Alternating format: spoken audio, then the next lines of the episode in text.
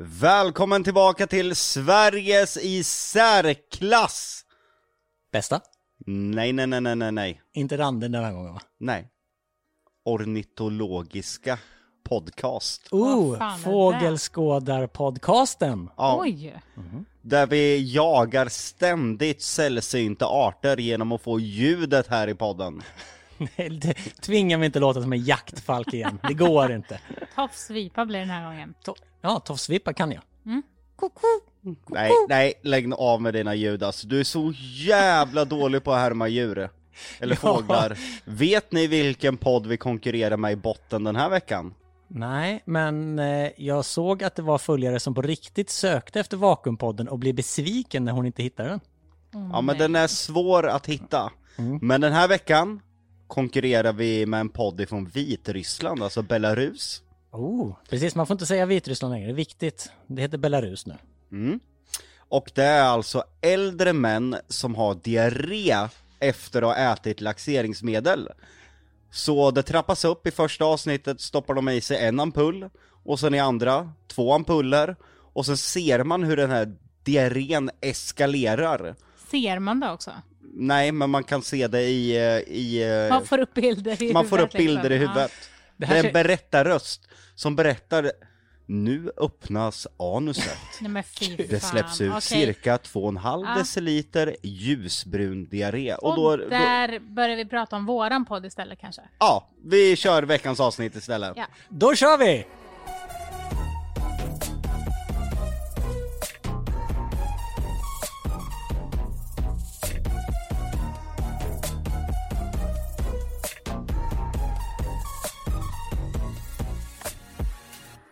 Den här veckan har vi ju vad vi kallar det läskiga avsnittet. Personliga, hårda frågor som Jonas har eh, luskat på under veckan. Men innan vi börjar med det så kommer vi att konfrontera dig lite angående förra veckans avsnitt. Då du lekte lite hjälte.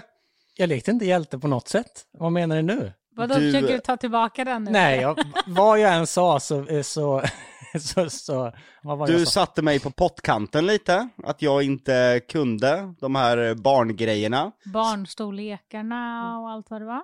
Ja, Säg inte att, jag, att ni kommer ställa några frågor. Nej, vi ska läsa upp ett eh, meddelande. Jonna, Okej. varsågod. Då har jag ett eh, sms här. Eh, du kan nog gissa vem det är ifrån. Ja, är det från min fru? Det är från din fru. Jaha, och vad har min fru skrivit?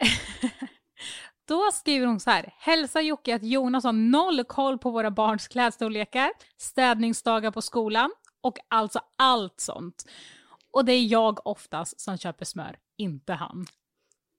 Aj, aj, aj. Ja, okej, men den som, den som lyssnade ordentligt på förra avsnittet hör aldrig mig säga, eller sätter mig på några höga hästar och säger att jag gör de sakerna hemma. Nej, men du var väldigt noga med, aha Jocke, så du kan inte det här. Vad fan hoppar du på mig nu för? Du var ju precis lika, lika på min sida där mot Jocke. Nej, det här är det bästa med din fru också, att hon liksom lyssnar så bara, Hon är en aha, golare. Jonas säger det här, Ja, okej. Och golare har inga polare. Jo, så. hon har mig som polare och det är det enda som behövs. Innan vi börjar så kan du hoppa ner från hästen och ta ut den från vårt sovrum, tack. Ja, hästen går och jag sitter nere på marken.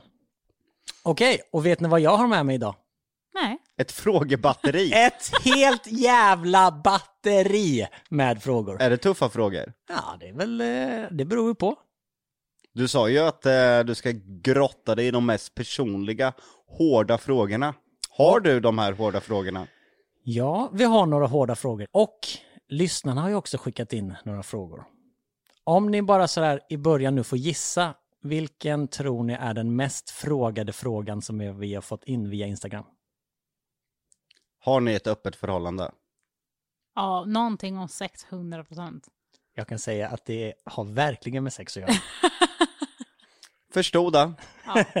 Precis, och det kommer vi komma in på idag då, eftersom ni ville grotta in det helt enkelt. Alltså fanns det inte någonting som var lite mer intressant än där känner jag. Nej, folk är tydligen intresserade av ert sexliv, jag vet inte varför. Ja, men vi är ju ganska öppna med det så jag känner att fanns det inte någonting som man verkligen undrade som bara okej vad är det de håller hemligt? Ja, men du vet ju inte vad de frågar om sexen. Det Jo, kanske- jag är ganska säker på att jag vet det faktiskt.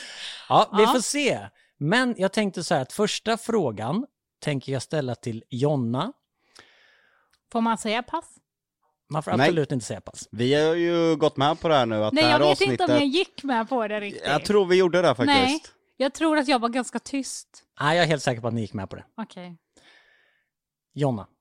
Ja. Vi börjar första frågan till dig. Ja. Och nu, och nu vill jag att vi försöker hålla oss till ämnet Aha. och verkligen sådär försöker svara så ärligt som möjligt. För jag tror ju, precis som ni sa förra avsnittet, att den här podden faktiskt har hjälpt er lite att snacka, hjälpt er lite att öppna och även om vi pratar om jobbiga saker så kanske det har någon slags terapeutisk inslag i sig att faktiskt prata om de här sakerna. Mm.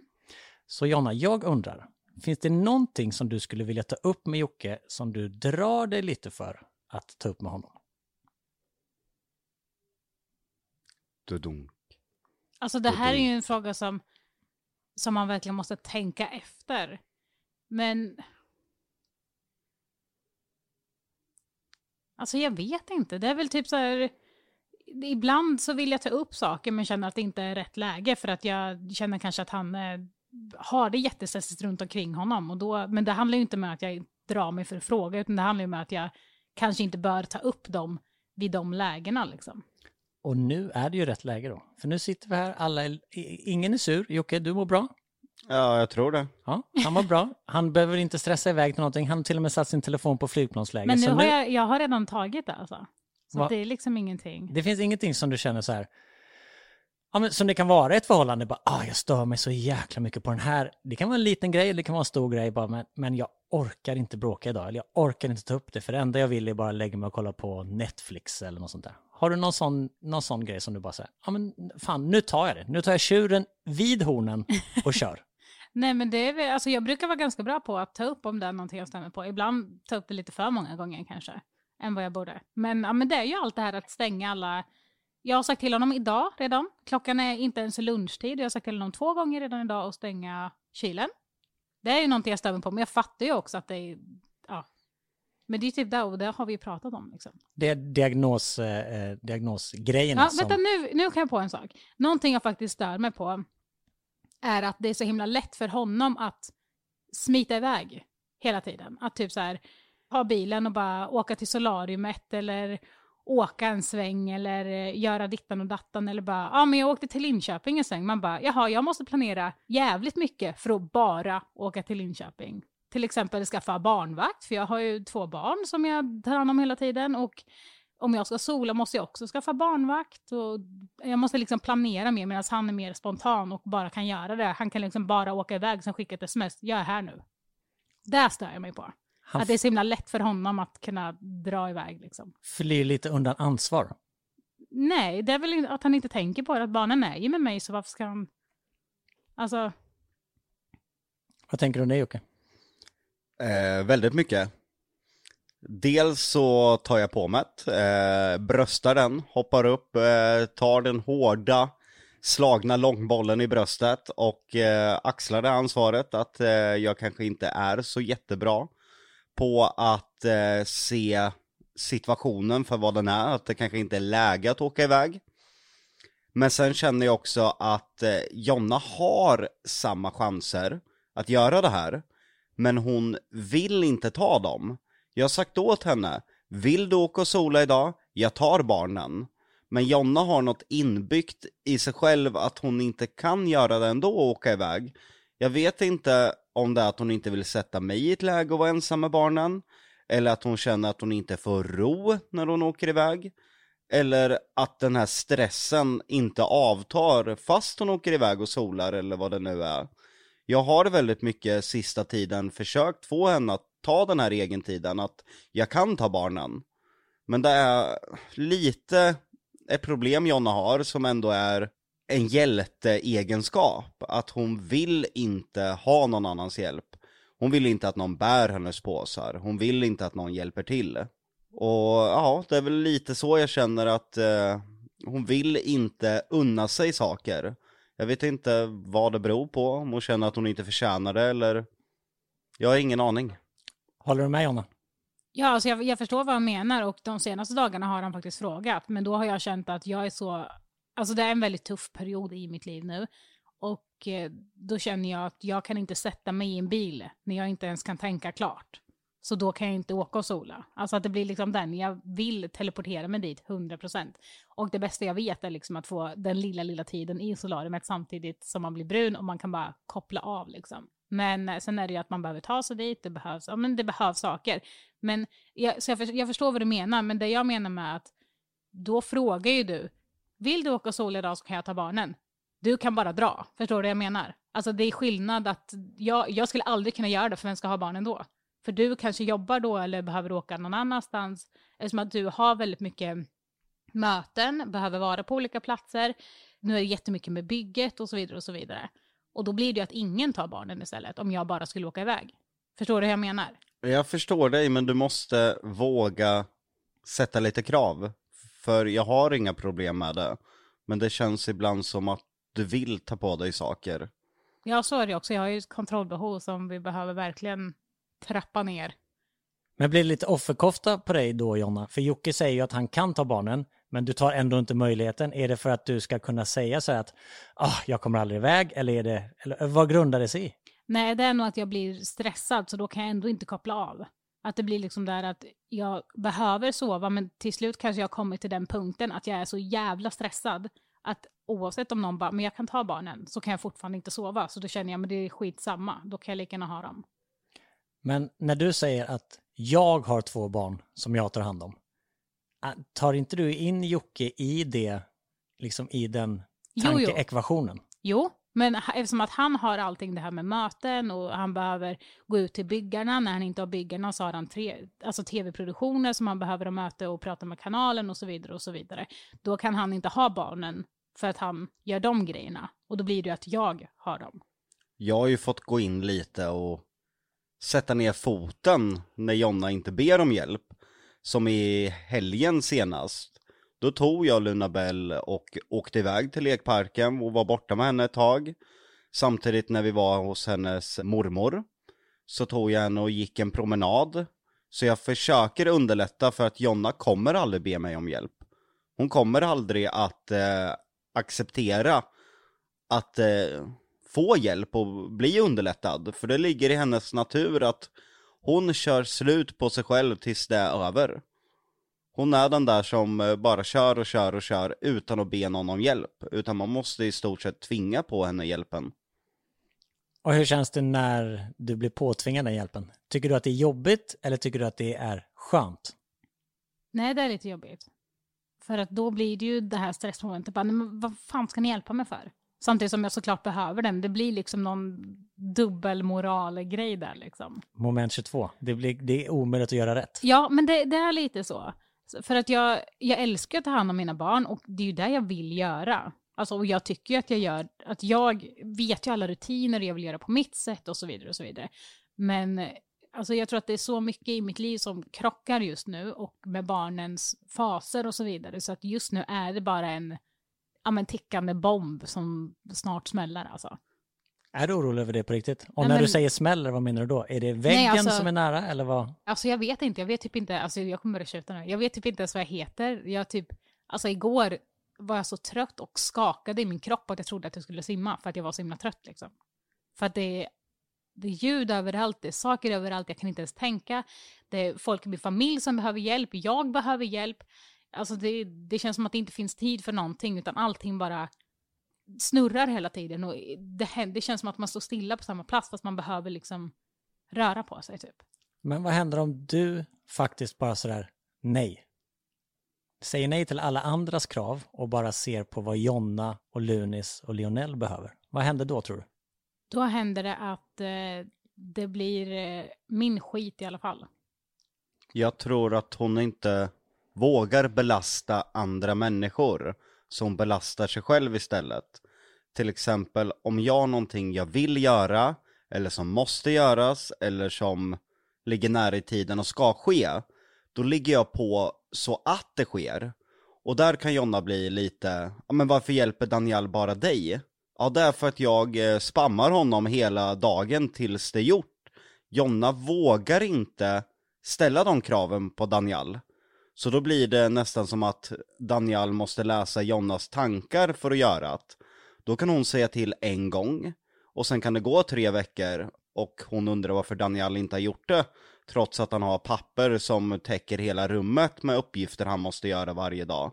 Daniel har ju ett otroligt hektiskt schema. Det är alltid något varje sekund. Så hon vågar inte ställa de här kraven varken på mig, eller på Daniel, eller på sin omgivning. Så då är hon tyst, äter upp allting och belastar sig själv istället. Jag tänker väl oftast att mina grejer är minst prioriterat. För att det är jag som prioriterar dem så, ingen annan. Utan för att det är jag som tror och tycker att det är så. Ja, men då ser ju du bara att alla andras skit är värd mer. Ja men, ja men det handlar väl om att jag vill underlätta för alla hela tiden. Men då kan du inte underlätta för dig själv? För om du går sönder så kommer ju hela den här familjen gå sönder. Ja, men det är, det är svårt. Det är svårt att ändra liksom ett mönster som man har levt med hela sitt liv. Hon pratar ju väldigt ofta utifrån mina känslor om du har tänkt på det. Och det har många som lyssnar på podden också reagerat på. Hon pratar oftast inte utifrån sina behov, utan utifrån mina. Och eh, hennes känslor utgår hon ifrån mina känslor för hennes egna. Jag tror att mycket är ju för att du har fått anpassa dig efter Jocke och Jockes diagnoser. Jocke är ju väldigt viljestark. Det är ju liksom så här, när du väl har kommit på en grej eller liksom gör ett projekt eller någonting så är det ju liksom 100% fokus på det och du är ju liksom som en bulldozer liksom. Det bara händer ju. Ja, jag driver det framåt. Ja, du ser till så att det händer. Och om, du, om, om det ligger utanför din kapacitet så ser du till att du hittar någon med den kapaciteten. Om Som Daniel som hjälper dig med liksom allting runt omkring. Liksom. Eller Stefan eller Patrik Ja. eller du. Ja, eller liksom, du hittar ju den kompetensen som du behöver för tillfället och så löser du det liksom. Jonna måste våga göra samma sak.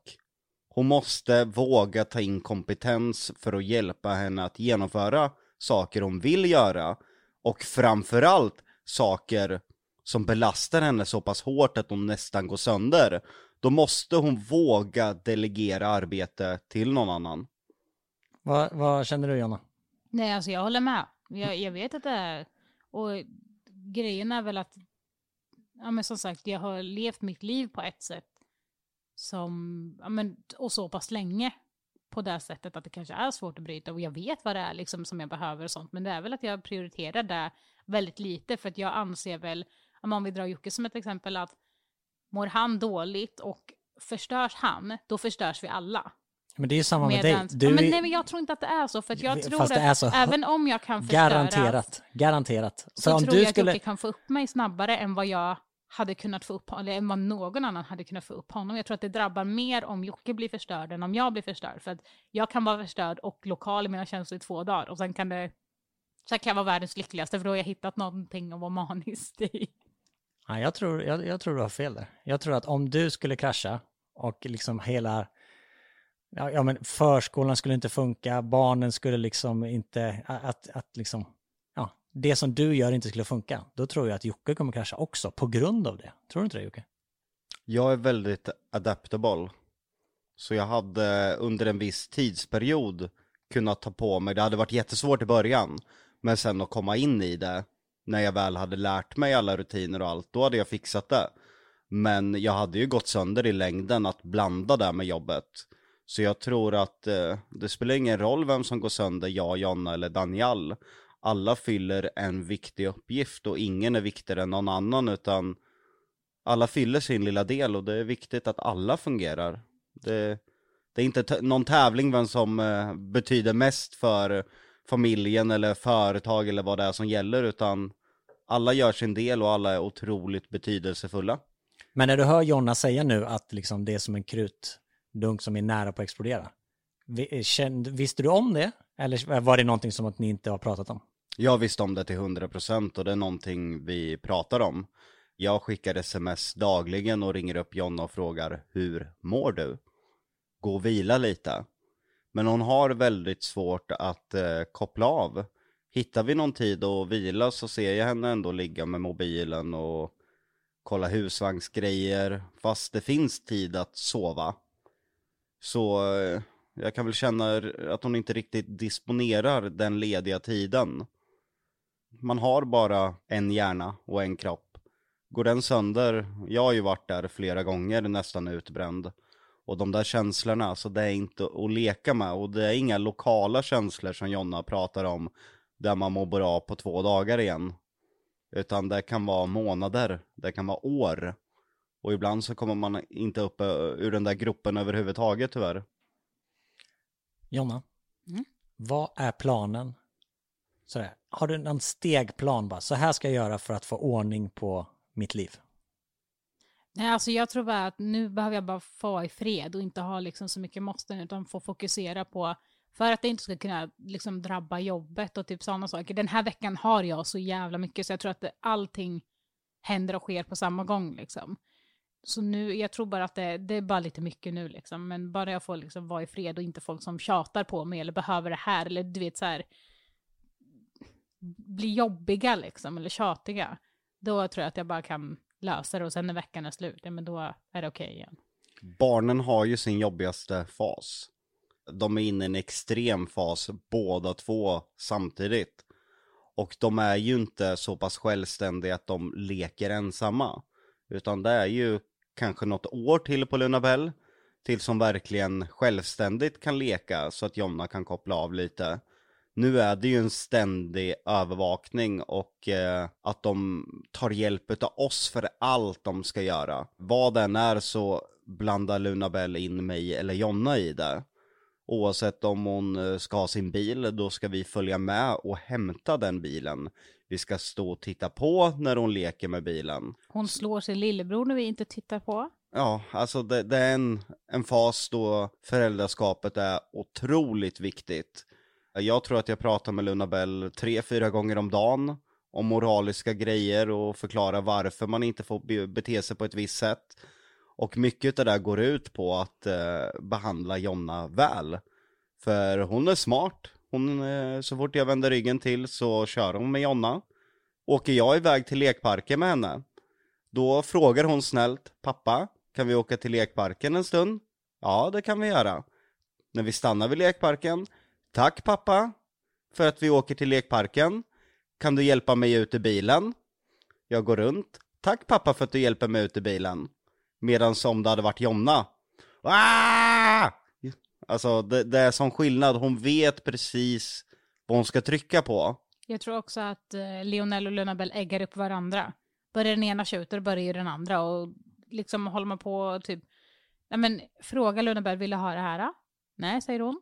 Sen ger man det till Lionel. Då ska hon absolut ha det 100%. Och sen är det, Lionel är ju i en fas nu där han rör sig väldigt mycket. Men han, han kan ju inte gå än, men han klättrar upp på saker. Och så ramlar han ner. Och så ställer han sig upp och så ramlar han ner. Och han slår i huvudet och han slår i det och han slår i det. Och Lunabell puttar honom och slår honom. Alltså det är så kaos alltså. Men varför skaffar ni inte en barnflicka som, eller barn...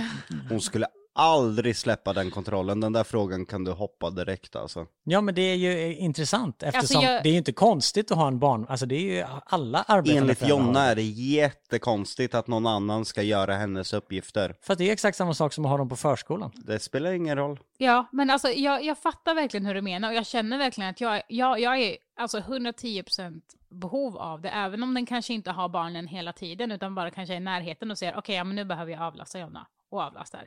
Men jag kan inte släppa det och vem ska det vara? Ska vi lägga upp på vår YouTube-kanal? Aha, och vilka kommer hit då? Alltså det, det är ju Det det, är här att klart, hitta det är rätt person. Ja, och det Det är läskigt. Det Ja, kan jag, jag, först, jag förstår det och eftersom ni har den erfarenheten av att ni har släppt in människor i ert liv som, som ja, det har blivit kaos helt enkelt, så förstår jag att man drar sig ännu mer. Ja, ja, och det här handlar ju om våra barn liksom. Det är inte vem som helst som får ta hand om dem. Nej. Och sen är det också man vill ha en som, man vill ha liksom någon som har barn. För då vet man att okej, men då tänker den som en mamma och den har erfarenhet. Samtidigt som, okej, ja men den har barn, då kommer den kanske inte alltid kunna. Och jag vill ju typ så här, om vi då åker kanske utomlands, så vill jag kunna ta med henne, han, den, det. För att jag vill liksom ha den nära till hands. Men det kan man ju inte göra om den har egna barn. För det där kommer man ju liksom inte kräva bara, nej men nu ska du vara borta i en månad ifrån dina barn. Nej, det känns inte rätt. Nej, det är svårt, är det ju. Men eh, Det behövs, men... ehm, det behövs. Mm, ja, jag, jag får suga på karamellen. Vi har hunnit en fråga in. Mm. Det, Bra. var en, det var en komplex fråga. Det var en otroligt komplex fråga. Men jag kommer att ställa exakt samma fråga till dig Jocke. Finns det någonting som du känner att du drar dig för att ta upp med Jonna, bara för att du ibland bara sådär, jag orkar inte ta upp det, men jag skulle verkligen behöva ta upp det? Uff, eh, jag tar ju upp det, men det är någonting som kanske aldrig kommer förändras. Och det är ju Jonnas lokala känslor. Hur hennes hjärnspöken styr henne fullständigt. Hon är den som tänker på dåliga saker som ska hända så pass mycket att hon mår dåligt fast de inte har hänt än. Och eh, jag tror inte att det går att eh, nå en människa som är helt lokal i känslorna. Det är ungefär som att jag skulle säga, eller programmera om din hjärna. Så att när du ser färgen blå så är den egentligen gul. Och hur mycket en säger till dig att nej, den är blå. Du är programmerad att se gul. Samma sak är det med Jonnas känslor, att de är programmerade till att vara så pass lokala. Och det här är ju någonting vi har försökt eh, prata om i åtta års tid. Det har blivit bättre, men jag tror inte att eh, det kommer att försvinna. På samma sätt som jag kanske aldrig stänger den där kylskåpsdörren. Men eh, samtidigt så finns det så mycket otroligt fint i vårt förhållande. Att det inte är värt att störa sig på. Jag har lärt mig att anpassa mig efter Jonas lokala känslor. I början kunde jag inte det, utan då var det bråk hela tiden. För att jag satte mig emot hennes lokala känslor. Och eh, även om jag hade rätt så var jag tvungen att få point proven. Att eh, Jonna ska säga att jag hade rätt. Hon ska be om ursäkt. Idag har jag lärt mig att eh, inte gå in i den fighten. För att vi dränerar oss båda på energi. Okej, jag hade rätt men jag väntar två dagar tills eh, Jonnas känslor inte är lokala. Och kanske får ursäkten om två dagar, eller så får jag den inte alls. Men det spelar inte mig så stor roll. För att det är så mycket andra positiva saker som väger upp. Och ibland så får man bara acceptera att människor inte är perfekta. Och eh, vara lycklig att de positiva sakerna väger över. Vore skillnad om det stod 50-50 och lutade. Men det gör det inte i det här fallet. Utan allt annat vackert runt Jonna väger upp att hon är väldigt lokal. Vad säger du om det Jonna? Nej, jag håller med, för det är ändå någonting som kan, eftersom att jag är så lokal i känslorna och bara känner det då, i de stunderna så är det verkligen någonting som är jättejobbigt och det blir så pass jobbigt att det bara känns som att, okej, okay, men jag skiter i allt. Men ehm, jag försöker ändå att tänka utanför boxen där och bara så, okej, okay, men det här kanske bara är någonting jag känner nu, men hur ska jag göra för att inte känna det? För att det går ju inte, alltså en känsla känner man ju. Och hur mycket man än inte vill känna den känslan så går det inte bara knäppa med fingrarna att den är borta. Det är samma sak som, det finns ingen som vill vara deprimerad. Men ändå så är man det och man kan liksom inte, man får typ acceptera att man är det. Samtidigt som man ska väl försöka att inte göra sakerna värre. Och det är väl där jag är, att jag försöker ändå tänka att det bara är någonting som jag känner just då. Men har ni någon gång tänkt att gå till eh, familjeterapi eller gå till psykolog eller något sånt där? Det går inte med Jockes Asperger. Nej, för att jag kommer att analysera varför de frågar så. Och sen när jag eh, får fram varför de frågar så, så kanske de är på fel spår och då kommer jag bli irriterad. En psykolog har ju gått en utbildning och i den utbildningen så ingår det väldigt mycket. Och eh, alla de här frågorna de ställer, det är ju för att eh, för få fram någonting. Kort sagt, jag har läst mycket psykologi själv och eh, nej, jag eh, vill gärna ordna mina egen, min egen skit själv. Jag hatar allt det här att eh, skjuta över ansvaret på någon annan.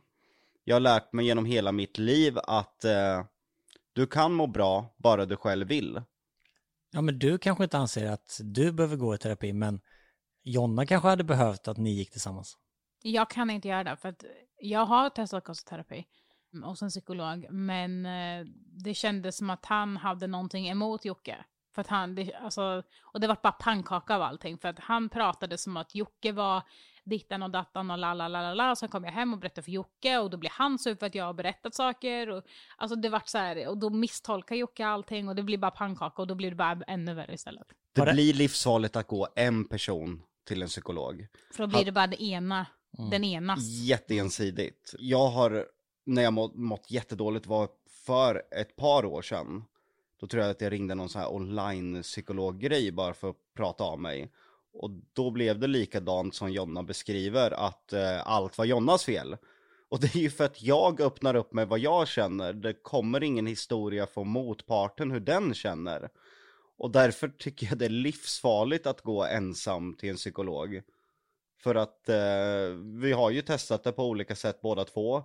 Och båda får ett svar att eh, felet ligger hos motparten. Och det blir ju så här jättekonstigt. Så jag förstår inte hur en legitimerad utbildad psykolog kan köpa en ensidig bild. För det är ju bara en person som sitter där.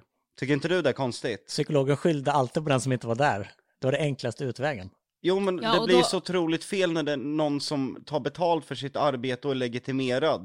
Det är en väldigt enkel liksom, utväg att skylla på personen som inte är i rummet. Ja, det är superenkelt för psykologen ju. Ja, och då, Jättebra. kä- och då kände jag typ så här, ja men nej, så är Jocke inte alls. Och sen började jag försvara honom och säga, bara, men nu sitter du och försvarar honom, är det någonting du döljer? Man bara, nej, därför att jag pallar inte att du snackar så mycket skit om min man, liksom, det är min man. Ja visst, jag kanske har lite svåra stunder eller sånting, men då blev det att jag inte pratade om det istället, för att jag bara kände, vad, du känner inte honom, varför dömer du honom så? Man måste ju ha ett otroligt förtroende för en psykolog och känna att den personen Ja. verkligen Exakt. är vettig liksom. Och jag kan fatta att där kanske det är ett problem då att ni är kända. Eftersom den psykologen ni går till kommer förmodligen ha förutfattade meningar om både er och er partner. Ja, ja, verkligen. Och samma sak på mitt telefonsamtal. Då har den personen alltså en bild vad det är för fel i vårt förhållande och vad Jonna är för människa och vad hon gör för fel emot mig.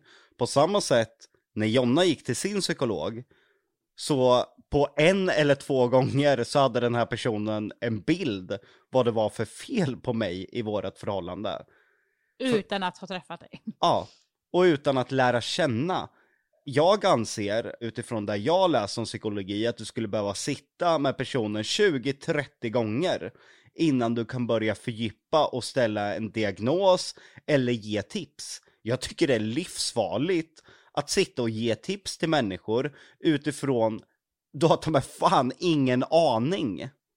Ett förhållande är jättekomplex. Det är ingenting på 60 minuter du ger ett råd till en människa. Så utifrån de varsin erfarenhet vi har utav psykolog, så nej tack. Jag vill inte att de sätter griller i mitt huvud, liksom att jag börjar tänka så här. Jo men Jonna kanske är jättedålig på det. Och sen tar jag råd ifrån en människa som aldrig någonsin har varit insatt eller har insyn i vårt förhållande. Mer än de orden jag beskriver när jag mår dåligt. Jag fattar. Nu går vi vidare till den mest ställda frågan från våra lyssnare. Har ni eller har ni haft ett öppet förhållande? Vi har inte, och vi har inte haft. Folk kanske anser att det är ett öppet förhållande för att Jonna har hållit på med någon, eller jag har hållit på med någon. Men det är ju att sätta en etikett på någonting som vi egentligen bestämmer.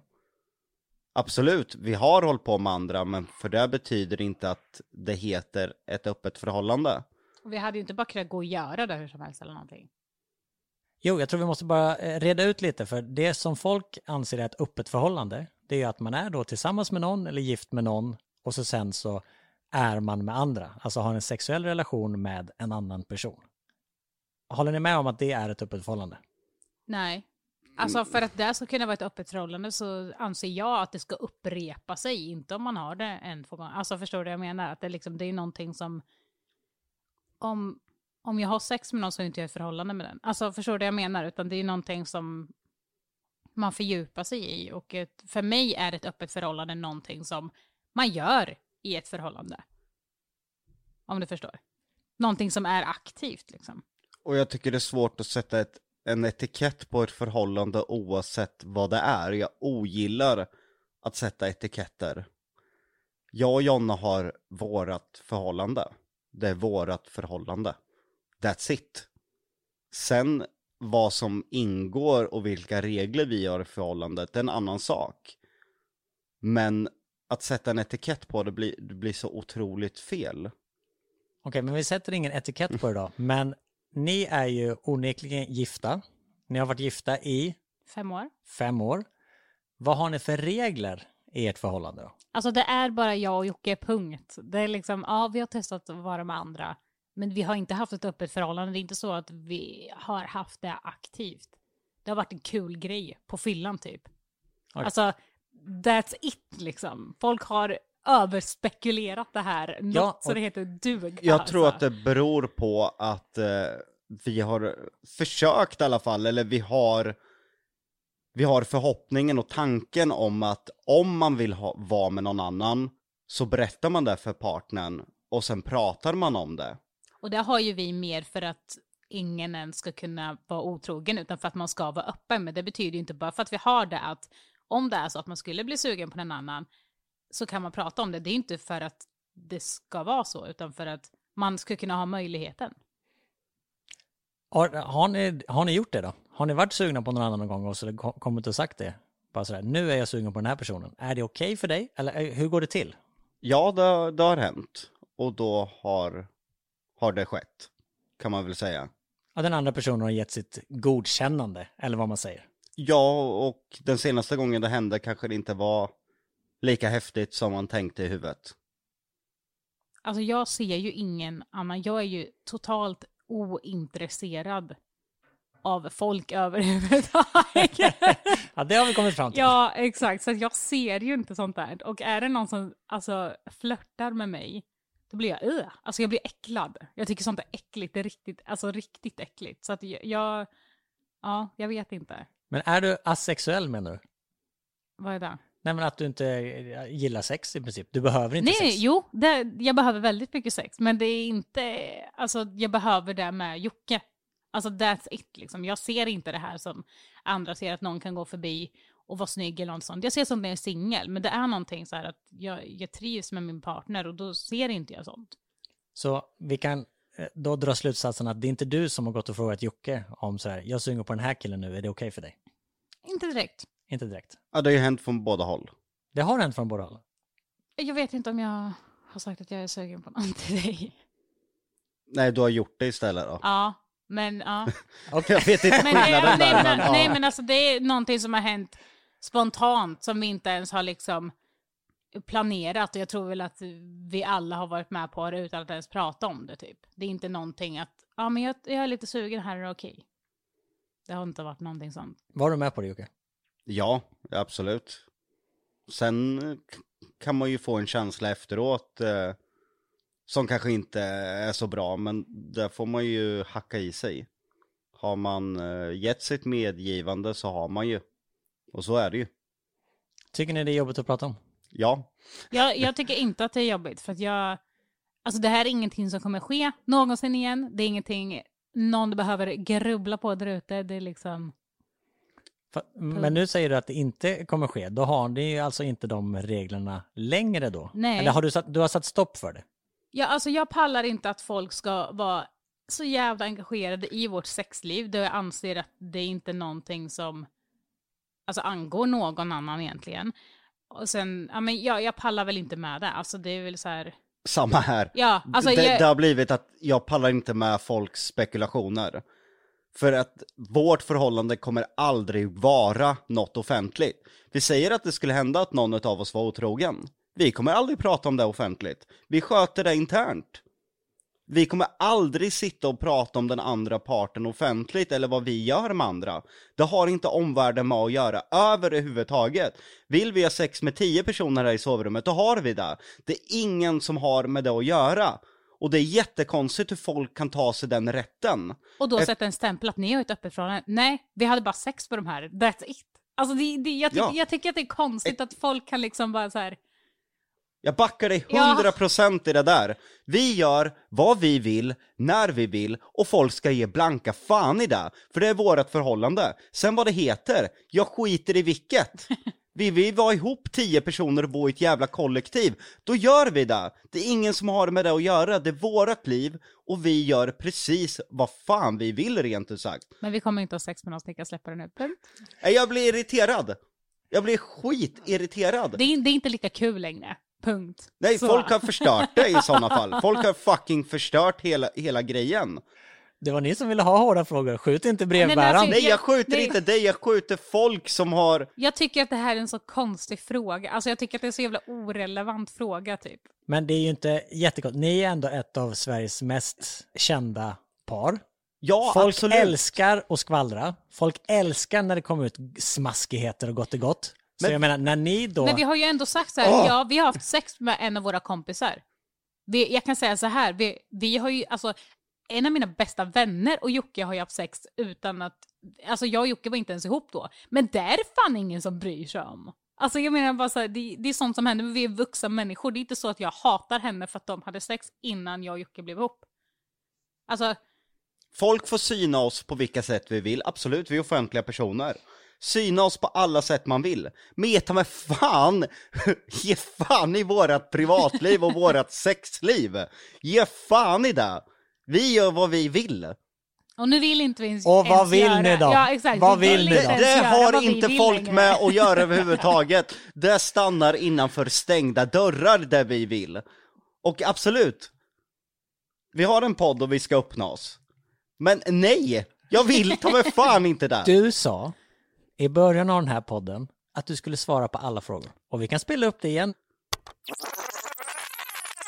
Vi har ju gått med på det här nu att Nej, det här jag vet avsnittet... inte om jag gick med på det riktigt. Jag tror vi gjorde det faktiskt. Nej, jag tror att jag var ganska tyst. Nej, jag är helt säker på att ni gick med på det. Okej. Jag svarar ju på frågorna. Och jag är öppen. Och svaret är, vi gör vad vi vill, när vi vill. Och där sköter vi bakom stängda dörrar. För att vårt förhållande, det, jag håller det så pass privat. Skulle vi göra slut, vi skulle aldrig göra som många andra par. Att sitta och göra varsin video och berätta en ensidig historia varför man har gjort slut med varann. Vi har respekt för varann, en otrolig respekt. Och vi exploaterar inte varann på internet på något sätt. Vi är nog kanske det enda paret som dels har hållit ihop, det enda influencerparet jag vet som har hållit ihop så länge vi har gjort. Och som aldrig har outat ett ord om varann. Och som ett kort svar på frågan. Nej, vi har inte haft ett öppet förhållande. Och nej, vi har inte ett öppet förhållande. Och nej, vi kommer inte ha ett öppet Nej. förhållande. Men, ni har regler. Det är våran jävla ensak, jag blir idiot!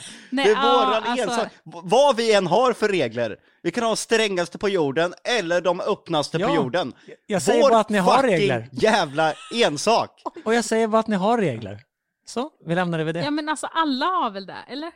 Ja, det är väl lite, alltså, jag tror inte att så jättemånga kanske har uttalade regler. Jag tror bara det är något slags underförstått hos de flesta paren att när man liksom har ja, gift sig eller är sambos eller har ett förhållande så är man exklusiva. Det tror jag väl kanske är det vanliga.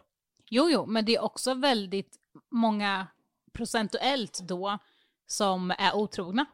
Just för att de inte vågar prata med det. Alltså pratar om det. Exakt. Och det är väl det jag och Jocke menar att vi kan gå, bara för att vi säger så här, vi kan gå till varandra och säga jag är sugen på den här, så betyder det inte att vi gör det, utan det betyder att vi har den som grundregel kan man väl säga, just för att otrohet inte ska förekomma.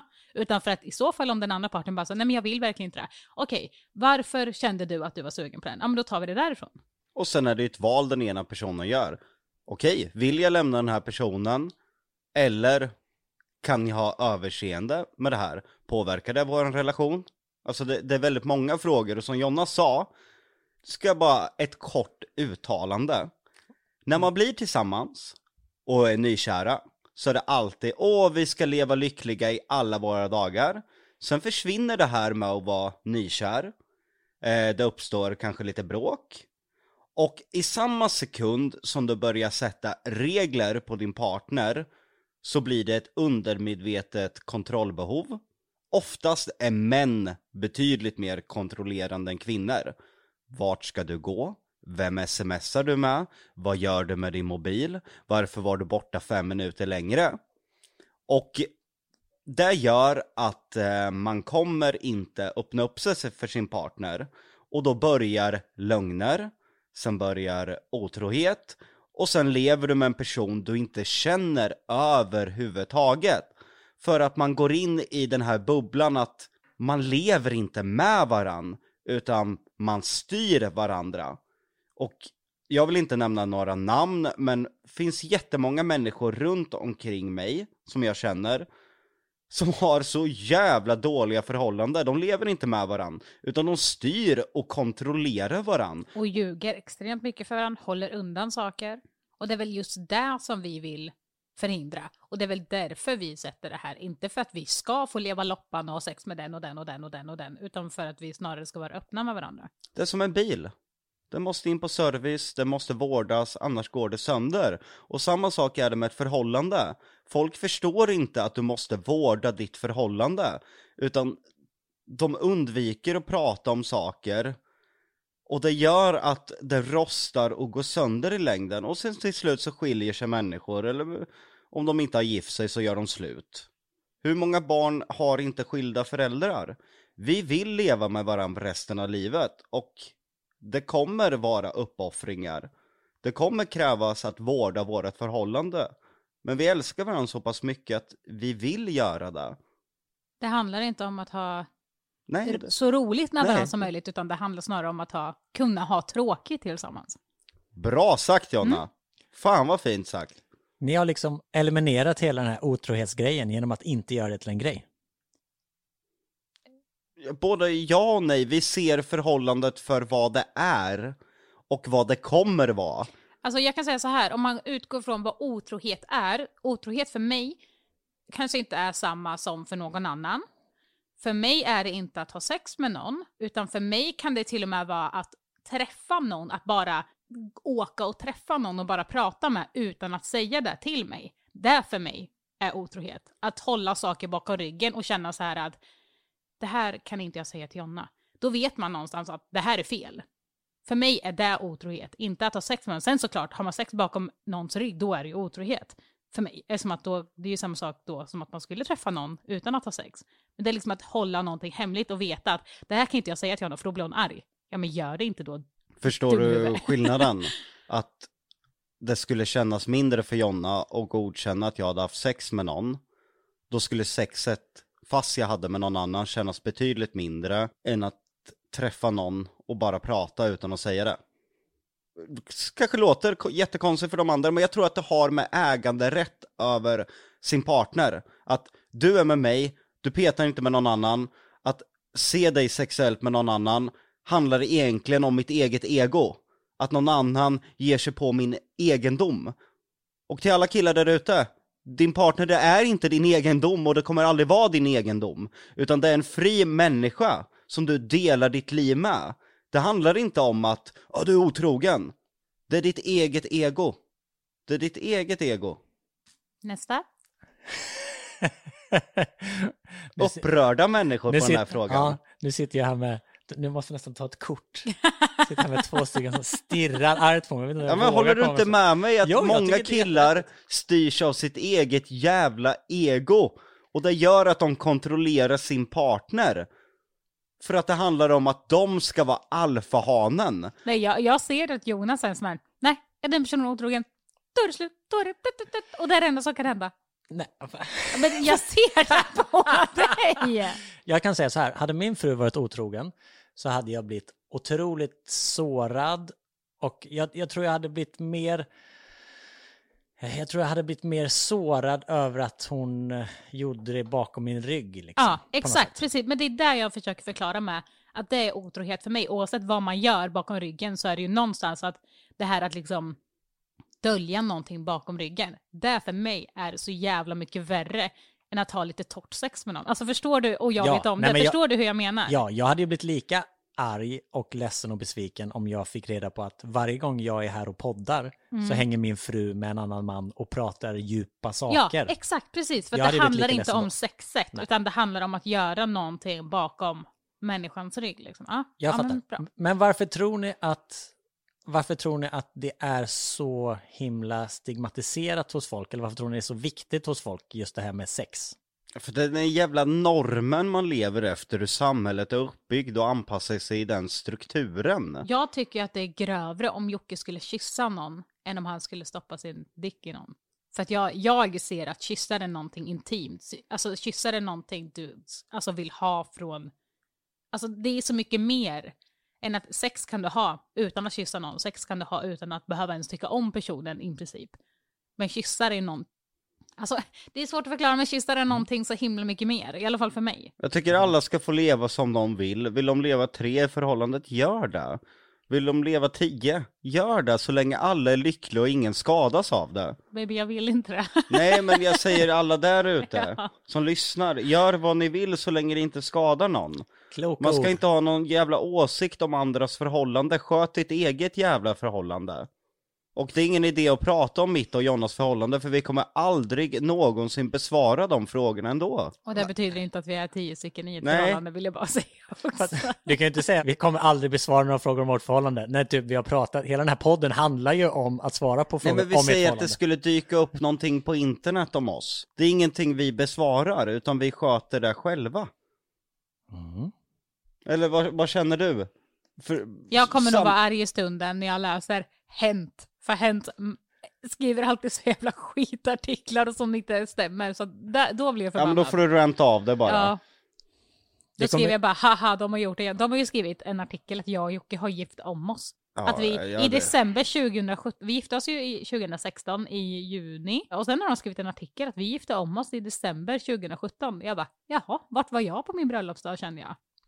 Kul med två bröllop. Ja, En, den näst mest ställda frågan är varför gjorde ni slut 2017 och vad var det som hände med det? Alltså, alla har ju för fan missuppfattat det, men jag, kan, jag fattar också varför, för att rubriken alltså, men vi gjorde liksom inte slut, slut, utan det var nog mer för att det var så mycket saker som hände, eh, som vi la i, ja men kastruller med lock på. Vi kör, en, Vi- kör en liten bakgrund. Vad grundar sig allt det där? För vi har fått jättemycket frågor så här. Vad var det som hände när de gjorde slut? Varför gjorde de slut? Vad handlar göra slut-videon om? Så dra en bakgrund. Ja, det var det jag gjorde. Att Ah, det, det, det, var, men det var så mycket som hände som var liksom små saker. Men eftersom att vi jobbade så mycket då och inte kunde skilja på jobb och eh, privatliv så blev det så himla grötigt. Och sen kunde vi sitta och tjafsa om någonting som vi kände att vi behövde reda ut. Och då kommer Daniel in och bara, eh, ni kan inte bråka nu för att nu måste vi filma det här, nu måste vi göra det här. Så vi kunde aldrig prata ut om saker eller bråka färdigt. Och då blev det ju att det bara blev en ryggsäck som bara fylldes och fylldes och fylldes och fylldes. Till slut så var det så mycket saker som vi egentligen behövde prata om att vi kände okej, nu klipper vi bandet här och börjar om från start. Och det var väl där vi tog en liten paus för att kunna reda ut det, så vi gjorde liksom inte slut, slut. Men om vi bara säger så här, vi tar en paus, då kommer folk skriva, ni är, ni är slut. Skriver vi, vi är slut och säger att vi tar, alltså det blir liksom, Ni gjorde en mental paus i ert förhållande för att börja om från noll. Vi Ja, drog typ i handbromsen. För som Jonna säger, dels så fick vi ingen tid över till varann och dels släppte vi in. Det är därför jag aldrig vill släppa in följare i vårt förhållande på det här sättet. Jag kan med tiden, jag är inte så personlig längre och det har sina orsaker, vilket vi kommer prata mer om längre fram. Men jag kan tänka mig att börja släppa in människor. Men min gräns är mitt och Jonnas förhållande. Jag vill, jag, jag vill inte ha det här Filip Lampres och Peg Parnevik. Dit kommer aldrig folk få mig och Jonna. Då man diskuterar oss på det sättet och vi pratar om det och sådana saker. No way. För det var det som hände, vi tog människor för nära. Vi tog in människor så att vi var ett med följarna i förhållandet. Och man mår inte bra utav det, för du vet inte vad som är jobb, du vet inte vad som är ditt förhållande, du vet ingenting. Och det bara flyter allt runt som en gegga, och vi var tvungna att dra i handbromsen och sätta stopp där. För vi mådde inte bra i relationen, för vi var inte ensamma i relationen. Alla var i vår relation. Daniel var i vår relation, våra vänner var i vår relation. Jobbet, följarna. Det är så viktigt att vi har överlevt och har det så pass bra idag, är att det här nu är bara vårt. Daniel vet i stort sett inget om vårt förhållande längre. nej. Vi, vi, vi har stängt ute sådana grejer, vi sköter det själva. Och det funkar så mycket bättre, hur mycket, om vi jämför bråk då, jämfört med idag, trots att vi har två barn. Ja, alltså det, det är ju mycket bättre så, men det är också så här att det känns som att offentliga personer, de kan fan inte bråka någonstans. Vi kan inte vara oense i affärerna, för då ser folk, Jocke och jag, jaha, de bråkar. Alltså det blir liksom så himla...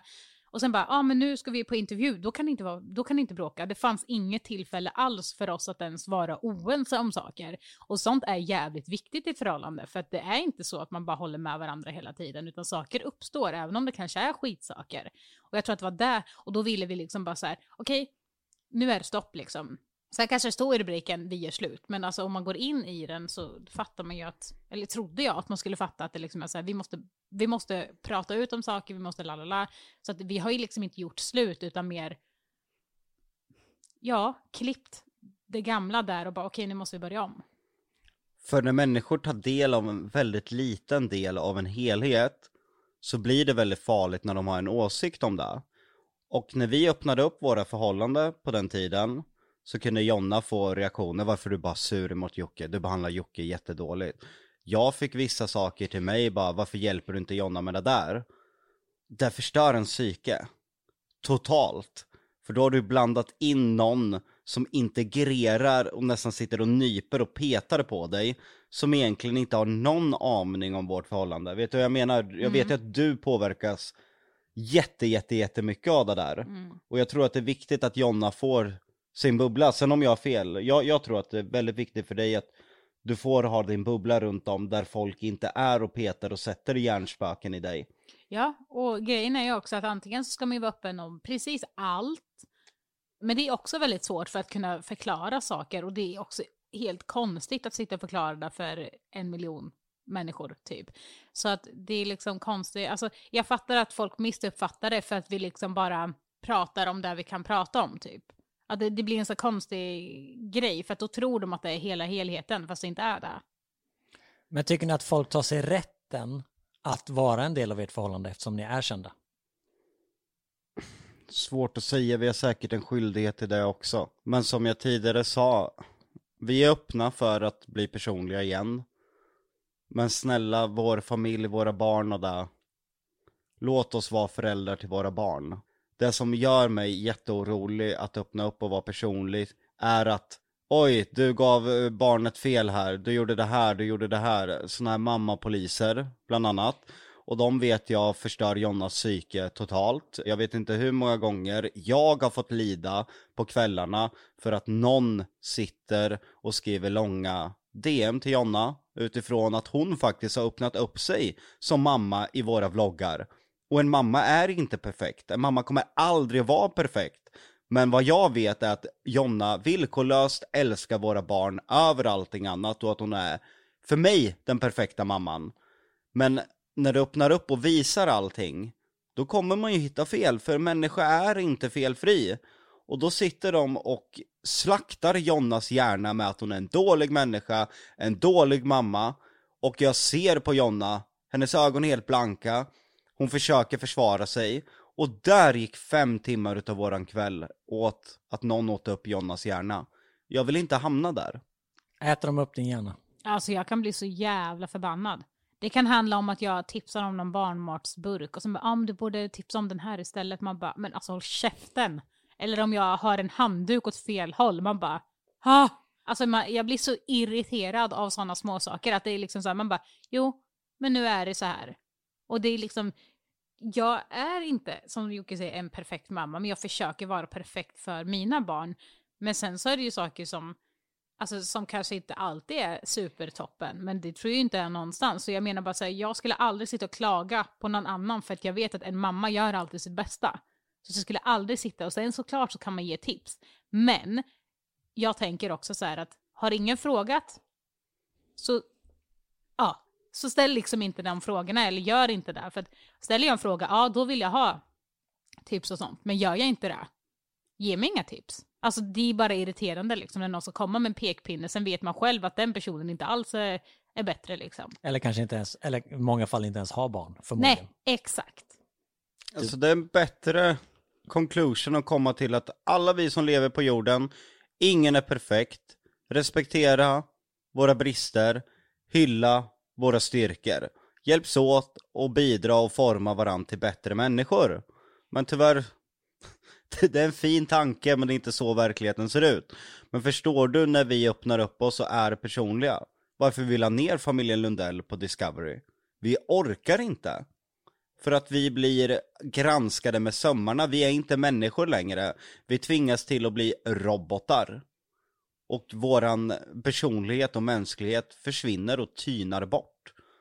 Och det var vad som hände i det här läget när vi gjorde den där videon. Vi hade öppnat upp oss in och utan till och släppt in människor så långt i våra liv att vi var helt dränerade. Vi, vi, det fanns ingen tid för Jonna och mig. Så där har du svaret på din fråga. Bra svar. Långt svar. Långt svar, men bra. Vad är det pinsammaste ni har gjort i ert förhållande? Har ni något sånt? Alltså nej. Alltså, jag, jag vet inte om jag tycker så mycket saker är pinsamt. Jag tyckte att det var pinsamt när jag och Jocke var på Ikea och han fick syn på en LOC-spelare där och stod och glodde på honom. En meter framför honom. Och bara stod och glodde. Det tyckte jag var pinsamt. Ja, men alla vet ju hur Jocke blir med hockeykillar. Ja men alltså på riktigt, han blev helt starstruck. Så, Hockeykillar. alltså det där var verkligen, jag bara, åh herregud. Alltså det, ja. Är det någon gång era regler kommer komma på tal i ert förhållande så är det ju när Jocke får syn på en hockeykille. Nej, för han hade aldrig vågat. Han hade aldrig vågat. Han, alltså, nej, nej, nej. Alltså, Pratar vi snusk nu? Ja, nu pratar vi Nej snus. men fy fan, next, next, nej. nej, alltså jo, du ska se, på riktigt, du ska se när Jocke träffar sitt LOC-lag, vet du. Då, alltså han, han blir som ett barn, han blir helt Ja, men det- fnittrig. är det blir inget helt- sexuellt nej, nej, nej, inblandat nej, nej, nu? nej, nej, utan det är bara, han blir bara starstruck. Jag vet Ja, att du vill ha den där hockeyklubban.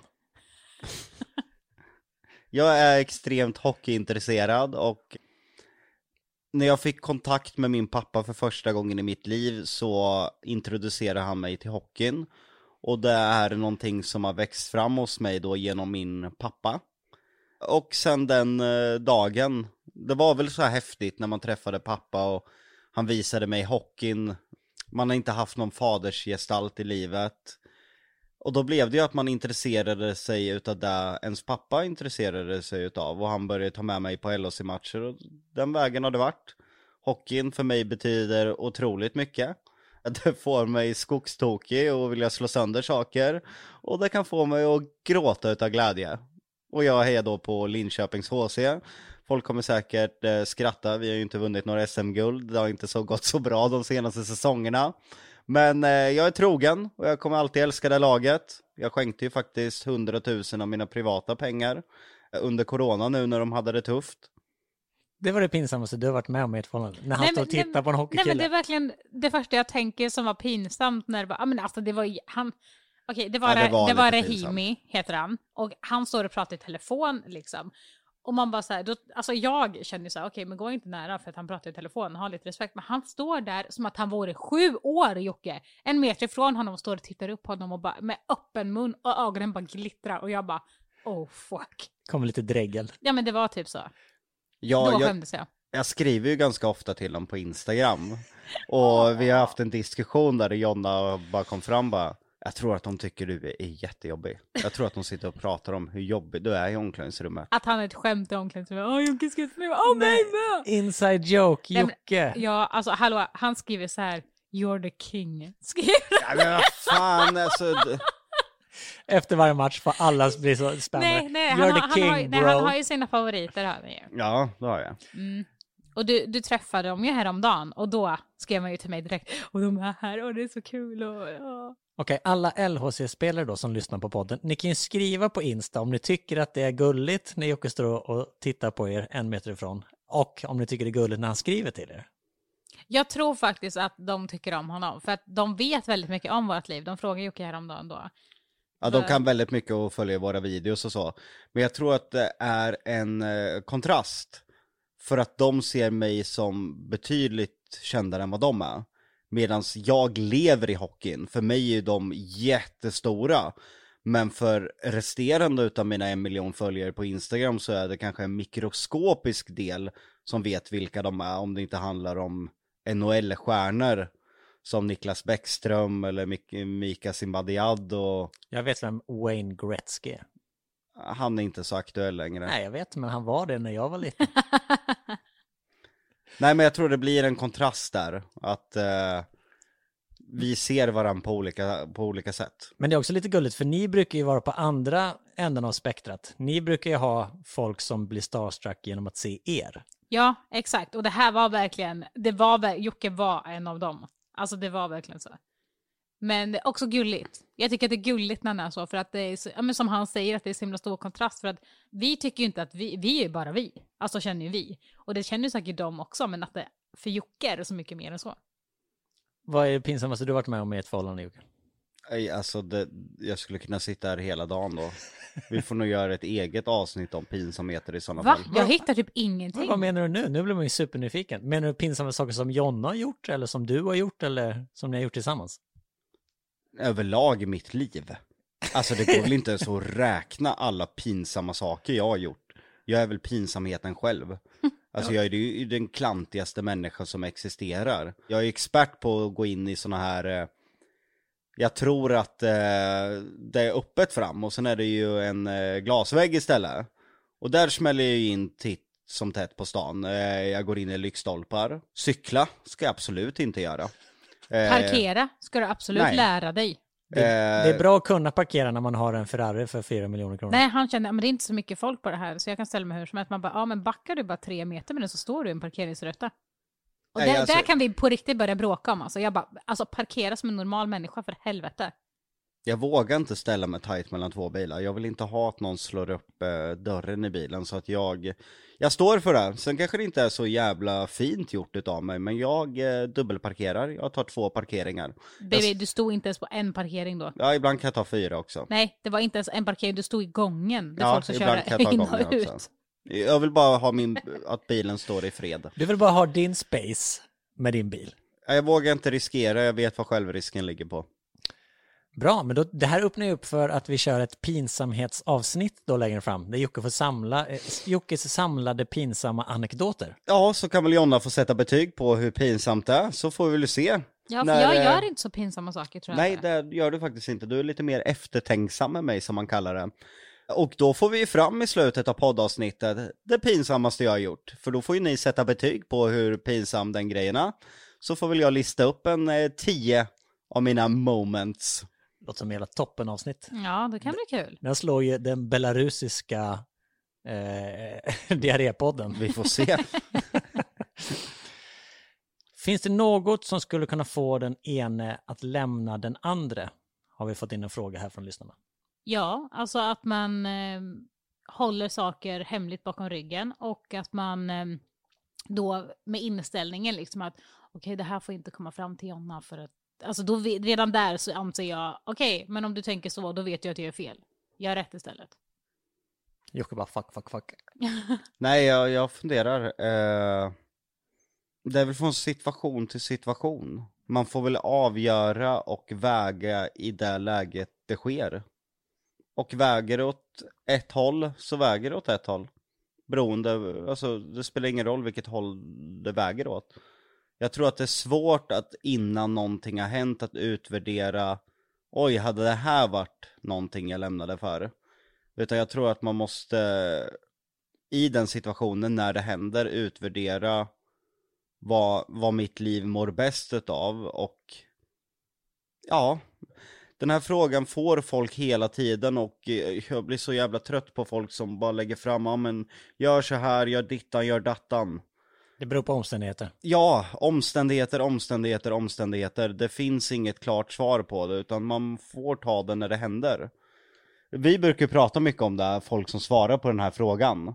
Och sen gör de ta med fan tvärtom när det gäller dem själva. Är inte folk experter på det? Jo, absolut. Vi har ju varit inne på det att ni har ju så starkt band så att ni skulle ju oavsett vara i varandras liv vad som än hände. Men det är ganska stor skillnad från att leva i det och att faktiskt vara kära. Jag förstår ju att ni älskar varandra, men är ni kära i varandra? Ja, Du menar utan, om, vi är, ja, alltså, om vi är vana med varandra eller jag är kär. om vi liksom Nej men för, har... förstår du skillnaden? Att Ja. man, är, man är ju nykär Ja. och sen så eh, kanske man börjar älska någon, förhoppningsvis om man lever med den personen länge.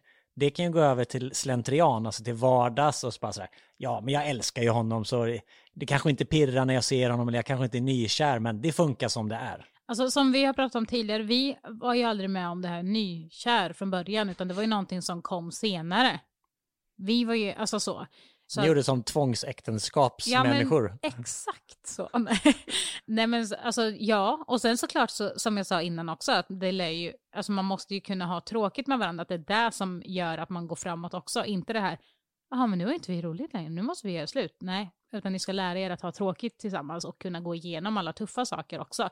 Självklart så är det ju, vissa dagar är det ju lite pirr, men det är inte alltid pirr. Men det är ju liksom viktigt att kunna ta upp sådana saker då, att ja, men, säg, ge varandra komplimanger, att kunna liksom göra sådana saker. Och det är där jag tror att många tror att vi är i ett öppet förhållande också, för att vi anser att man måste, som mycket säger, vårda relationen.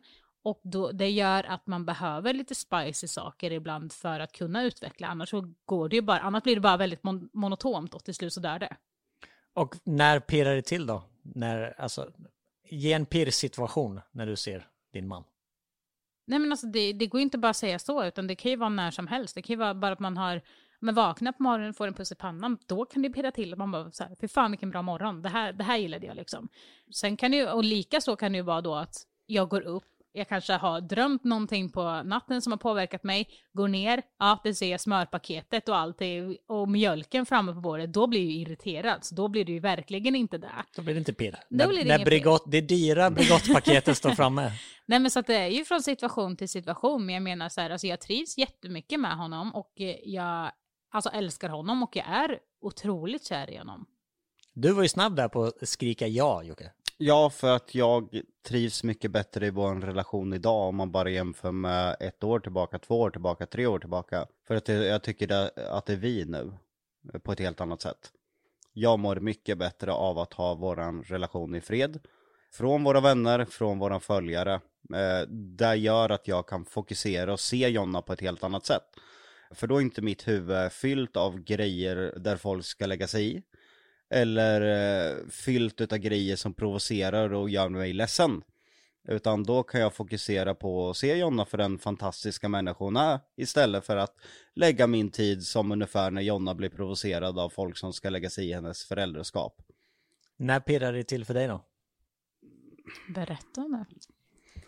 Nej men det, alltså det kan vara när, när som helst. Till exempel vart jag väldigt små grejer. Jag tog ut min nya bil. En Ferrari 488 Pista. Såklart, var tvungen att säga att Kom det, kom det fram? Ja, och du, pirrade till när du såg bilen då? Nej, det var det du ville få det var inte Nej, jag bilen. ska säga. Eh, utan jag åkte en sväng och sen åkte jag och tankade. Eh, jag var inte beredd på att Jonna skulle sticka in huvudet genom fönstret där och vi råkade av en slump bara vara på samma mack. Trots att det bor 120-130 000 i Norrköping och finns massor bensinmackar och det gjorde mig så otroligt glad att jag till och med skrev ett sms att det gjorde hela min dag att få träffa Jonna oförberett där på macken. Och då att- hade vi liksom träffat varandra en timme innan, om ens det. Men det, jag vart också så, det bara pirrade till och man bara, Men det- det vårt, var mysigt. vårt liv är väldigt mycket på schema. Så de här oförberedda grejerna, det gör jättemycket. när man bara råkar stöta på varandra på en bensinmack. Mysigt ju. Ja, Om ni undrar vad det är som låter i bakgrunden så är det så det Lionel. nya katt. Så. En katt har ni köpt. Som heter Lionel. Ja. Då går vi i helt motsatt riktning. Jonna, vad är det mest avtändande som Jocke gör? Alltså jag blir inte avtänd på honom. Men eh, jag har ju basilskräck. Och jag tvättar ju mina, alltså innan ens corona så hade jag alltså alla de här handsprit i varenda väska och hit och dit och tvätta händerna, alltså lite mer än vad man egentligen ska kanske. Jocke är inte likadan som mig. Du skiter i basilerna du. Jag, är, ju- jag tror att det är min Asperger där som lever lite mer fritt. Jag är inte ohygienisk så, jag duschar ju Alltså fan- du duschar ju oftare än vad jag gör. Ja, jag duschar ibland två gånger om dagen. Men just det där basiller och grejer. Hon är mer att eh, handsprit hela tiden, oavsett om det är corona eller inte. Jag är mer, eh, du kommer bli jättesjuk den gången du glömmer handspriten. Jag är hellre den här att jag äter eh, mackor som är på gränsen till utgångna. Jag eh, utsätter gärna min kropp för de här basillerna så att jag blir lite resistant istället. Så där lever vi på varsin sida utav den vågen. Ja, men det här att man kan stå och gräva i trädgården och sen komma in och ställa sig och laga mat. Man bara, nej, det går inte. Eller bre en macka och sen ska jag ge mig. Jag bara, eh, jag vill inte ha den där mackan. Tack men nej tack. Coronamackan. Den jordiga coronamackan tackar du Nej, till. Det sjuka är att jag, det är inte ens corona där jag är rädd för, utan det är liksom smuts. Alltså jag, öh, nej, jag gillar inte smuts alltså. Jocke, Vad är det mest avtändande med Jonna? Jag vet. Att jag alltid har problem med min kropp, det måste vara så jävla avtändande. Det är ju nästan lite taskigt att hugga på en sån grej. Jo, men det är ändå att det alltid ska vara någonting. Vad menar du? Att det alltid ska vara någonting? Nej men alltså jag är ju alltid sjuk på ett eller annat sätt. Alltid har en infektion i kroppen eller alltså alltid måste ta några piller för någonting. Alltså det är, jag är på sjukhus jämt alltså. Det är alltid någonting. Nej men jag kan väl dra en generell grej och jag tror att Jonna håller med mig där. Om det inte är just Jonna utan eh, avtändande generellt. Det är väl om man typ hånglar med någon, ah, jävla ont i nacken jag har när jag gör Ja så men här. det är det jag menar. Bara, okej. Så här, fan jag är lite dålig i magen. Åh, jag har ont i ryggen. Alltså så här. när du beskriver dig själv som en gammal kärring typ. Men det är där jag menar att jag har alltid problem med min kropp. Så jag säger alltid såna där grejer. Jag bara fan har jag varit dålig i magen i tre dagar. Man bara fy fan vad sexigt jag är. Ni ligger och hånglar och du bara sådär, det bubblar till i magen, du bara, ja det är diarrén. Det är diarrén, men ska vi fortsätta hångla? Du bara, mm. Men samtidigt så är det så här. Ja, jag kan prutta framför Jocke, ja, jag kan bajsa framför honom. Jag har liksom inget problem med det, men samtidigt känns det här. Fy fan vad osexigt egentligen. Så här, vänta jag kan inte sitta så här över det, låser sig i höften. Nej, men så skulle inte Nej jag men, säga i du, alla fall. nej men du fattar, just den grejen. Då skulle du få märka att höften har låst sig. Ja, då får fan höften låsa sig alltså. Inte läge i sådana där lägen. du blir avtänd på ålders... Ja, fan nu har jag sendrag här. Nu har jag sendrag här. Okej. Och hur gammal är du nu igen Jonna? 27? 27, toppen. Vänta 10 år då. Ja, exakt. Du är lika gammal som jag. Då är det gubbljud varje gång man Nu reser får sig. du bara några frågor till. Måste jag gå och pissa? Ja. Det finns många, vi skulle kunna göra två, tre, fyra avsnitt till av det här. Men jag Ja, tycker men det har då- varit väldigt, väldigt intressant. Ja, då får det bli en del två. Ja, då får Så du får du fan spara bli del två. resten. Ska vi göra så då? Packar du ihop all skit och försvinner åt helvete. Vill inte jag se dig mer idag. Blir det ett, ett abrupt slut då, för att Jocke måste gå och kissa? Mm. Jag tycker det var tråkigt. Tycker du, är du glad eller ledsen att vi ska sluta? Okej, Johan? du får en sista fråga. En sista fråga. Och Nu blir det press Välj med omsorg. riktigt jävla bra. Okej, den ska vi inte ta. Jag lovar att det blir en skitfråga nu. den ska- Ja. Han bara, åh den här är skitbra. Man Ja, bara, ja det svarar vi på varje dag Jonas. Den här ska vi inte ta. Åh, titta den där frågan. Och så försöker han hypa upp stämningen lite. Du bara, åh, vad är dina dyraste skor du har köpt? Vad tycker Jonna om det? Vad tänker Jonna när du köper väskor? Åh, fan spenderar massa pengar. Jag har inte en enda pengafråga. Okej. Okej. Så käften. Käften själv. Mister kan inte barnens storlekar själv. Jag kan visst barnens storlekar. Jag skulle kunna säga vad som helst nu, ni kan inte kolla det ändå. Kan- Gå ner från hästen. Jag är inte ens på hästen. Men ställ en jävla fråga då. Ja, vill du ha en jävla fråga då? Ja, Ja, varför spelar ni in en porrfilm? ja det är också så här, människor... Ja, men du ville ha en fråga som du svarar, du ska, fan ska jag på den. berätta för det här?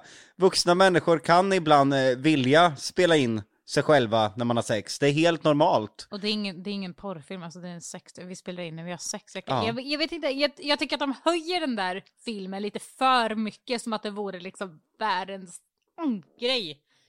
Jag tycker inte riktigt det. Nej. Ni ångrar er, ni skulle vilja spela in en ny, gör det lite bättre. Bättre ljussatt, fler kameror. Nej, alltså hade vi spelat in en porrfilm så hade den ju varit bättre.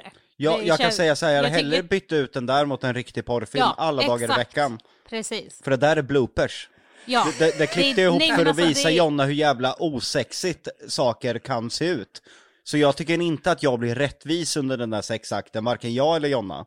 Så jag hade, ja, utan Ja. tvekan en två timmar lång sexfilm där man i alla fall får se bra ut. Ja. Det, det, nu snackar två timmar igen. Mm, Okej. Säkert kompis, säkert. Nej men det det där folk inte förstår, det är, ju- det är ju bloopers. Folk som säger så här, ni läckte det medvetet. Ja då har det ju säkert sett ut som ett jävla fån i fem minuter. Det, är- det är ju inte så att jag framstår som någon sexguru i den där filmen. Gör om, gör rätt då. Ja, hade, hade, vi, hade vi velat läcka en sexfilm så hade vi nog ta med fan sett till att vi såg bra ut framför kameran i alla fall. Jonna har ju för Att fan inte ens ett mer. hår typ. Ja. Jag är förvånad att den här jävla porrfilmen kom på tal. Han kunde inte hålla sig. Av alla roliga frågor. Varför gjorde ni en porrfilm? Känner du inte lite så? Nej, men alltså jag känner så här, jag, jag, alltså det, här, det är ju bara små pojkar som, som skriver det här. Och då känner jag så här, du skulle bara veta vad dina föräldrar gör i sovrummet. Lite så känner jag bara, okej om du tyckte att det här var grovt, ja vänta du bara.